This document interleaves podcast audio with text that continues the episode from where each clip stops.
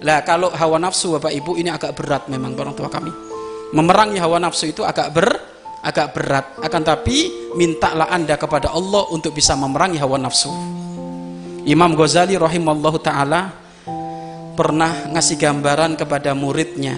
Wahai muridku, jika engkau ingin melakukan perjalanan menuju depan sana, tiba-tiba di pertengahan jalan itu ada anjing-anjing gila 10 berada di pinggir jalan. Ya, atau banyak anjing ada di situ. Dan anjing ini tidak sedikit pun memberi kesempatan siapa pun yang lewat. Kira-kira kalau kamu mau menuju ke depan sana bagaimana cara kamu melewati anjing ini?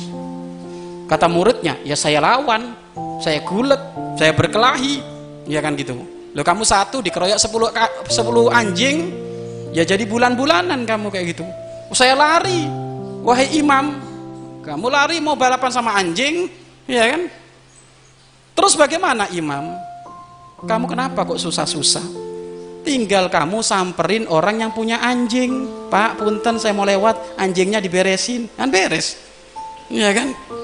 Pak, punten lewat tuh anjingnya tuh di depan kok galak-galak pisan. Mohon Pak, disuruh masuk sebentar saja saya pengen lewat. Oh ya siap-siap Pak, suruh masuk semuanya anjingnya dia lewat. Aman. Maksudnya apa? Yang mengendalikan hawa nafsu siapa? Allah. Allah. Anda minta kepada Allah.